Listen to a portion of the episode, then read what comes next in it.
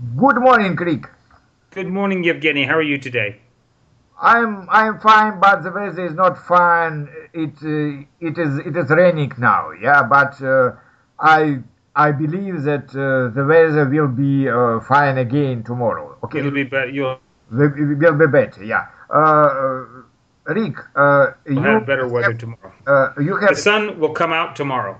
Yeah, I come out. Okay. Uh, uh, Rick, you uh, you told me a very very interesting story about two first ladies. Uh, uh, so Roosevelt, uh, Eleanor Roosevelt, and uh, Hillary Clinton. And um, uh, maybe uh, you can uh, tell me uh, about uh, two first uh, uh, first ladies more. Yeah. Yes, uh, we can continue the story. Yes. Uh, there's two other first ladies in the twenty in the second half of the 20th century that were um, uh, pretty remarkable as well. I remember them. They're in our lifetime, your lifetime and mine. The first one would be Jackie Kennedy, and the second one would be Lady Bird Johnson. Uh-huh. Um, Mrs. Kennedy was very interesting because when John became president in January 1961, it was a remarkable shift of one generation to the next. It's very rare to see because Eisenhower uh, ended his presidency in January 20th, 1961. He was 70 years old, but he was born in, I think, 1891. He was uh, the pre World War I generation. He was a five star general, which is like a field marshal, Yeah. like a marshal in Russia. He was bald headed. He looked old. He had had several heart attacks. And he presided over the post war United States in the 1950s, which in the United States was a time of enormous growth, yeah. enormous prosperity, Yeah. Yeah. but very traditional American small town values. Ah. Now we have this new man coming into office who is, as he said in his inaugural speech, born in this century, tempered by war, blah, blah, blah. Yeah. And he was born in 19. Uh-huh. 19. He was a man of the 20th century, solidly the 20th century. He had served in World War II as a uh, PT boat commander in the Navy. He had uh, been wounded, uh, and uh, he was a minor hero.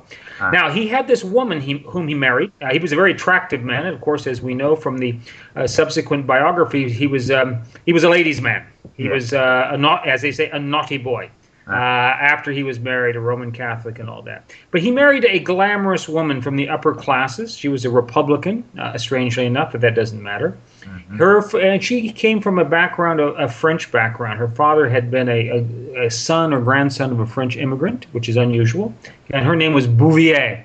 Oh. And so she had a name, Jacqueline Bouvier, oh. or we call it Jackie. Yeah. And French was uh, French name. Yeah. French name. I don't know what her mother's side Uh-huh. upper class people. And she didn't have, I think she had a, a decent education. I don't know if she had college, but she had some easy jobs as a photographer for a leading newspaper, I think the Washington Post, and, and she was in society, as it were.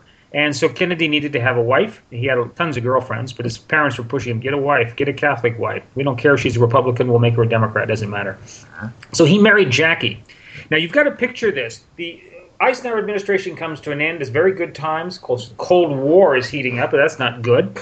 But Eisenhower leaves, and he brings in this young guy. Now Kennedy looked young; he was only 43, but he looked like he was 35. Ah. And Jackie Kennedy was 29, and she is glamorous, Yeah. absolutely stunning. Not like a model, but almost.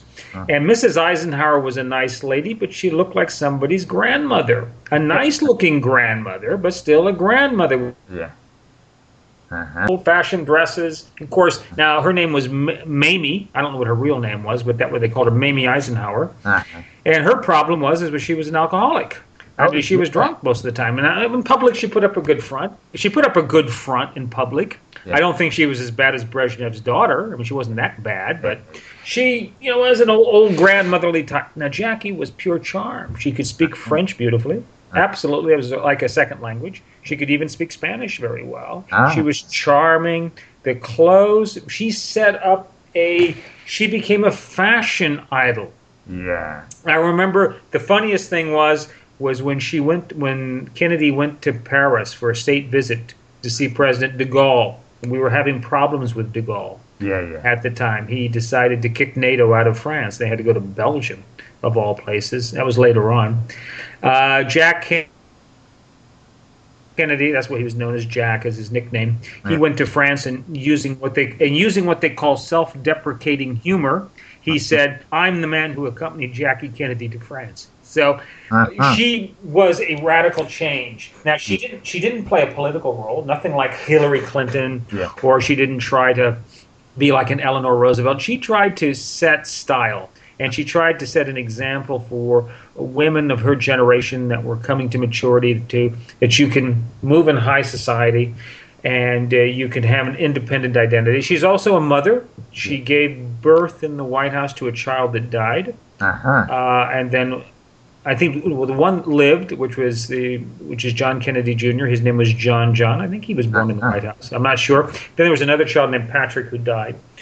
Um, so she was extraordinary, and uh, later on, Mm-hmm.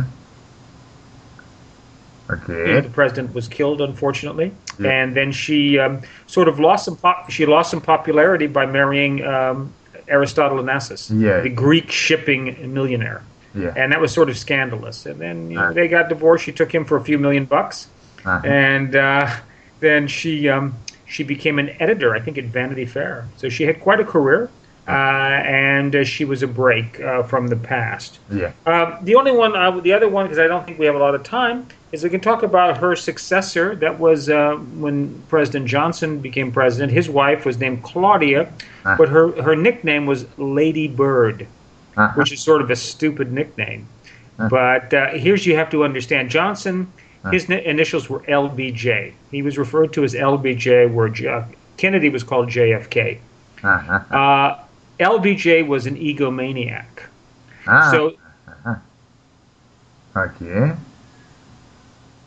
his wife had to have a nickname, Lady Bird Johnson, so her initials would be LBJ. The daughter was not, named Luci Baines Johnson. Her initials were LBJ. And the youngest daughter was called Lynda Bird. So her initials were all LBJ. So they could all get towels, Yeah. and people would make a joke that he was so cheap that he only wanted towels with one set of initials in his house. And uh, well, her contribution was she was a traditional first lady. She was older. Um, Johnson married her for one simple reason she was loaded with money. Uh-huh. He didn't have any money. He came from a, a political background. His father was a state legislator and a small time rancher. But his wife, Cla- uh, Claudia Ladybird, she was loaded with money. She owned like five or six uh, local television stations in uh, in Texas. Well. And so that helped him a lot. Her big contribution, she had one thing, and that was called Beautify America. Uh-huh. Okay. She was anti, you know what littering is? Littering is when you have some paper, you're in the car, you throw garbage out of the car. You throw, you know, paper or you throw bottles and things like that. When I was growing up in America in the 1950s and 60s, it was normal. No one ever kept a litter bag in their car. Only old ladies did. Hmm. Everybody else would just throw the stuff out the window. It was normal to throw junk out the window in your car. And so the highways and roads were just full of garbage. Huh. And she stopped that. No, it didn't do it by law. Oh, there's always anti littering laws, okay? There's always against the law, local laws. Huh. But nobody cared. She set up, up a campaign.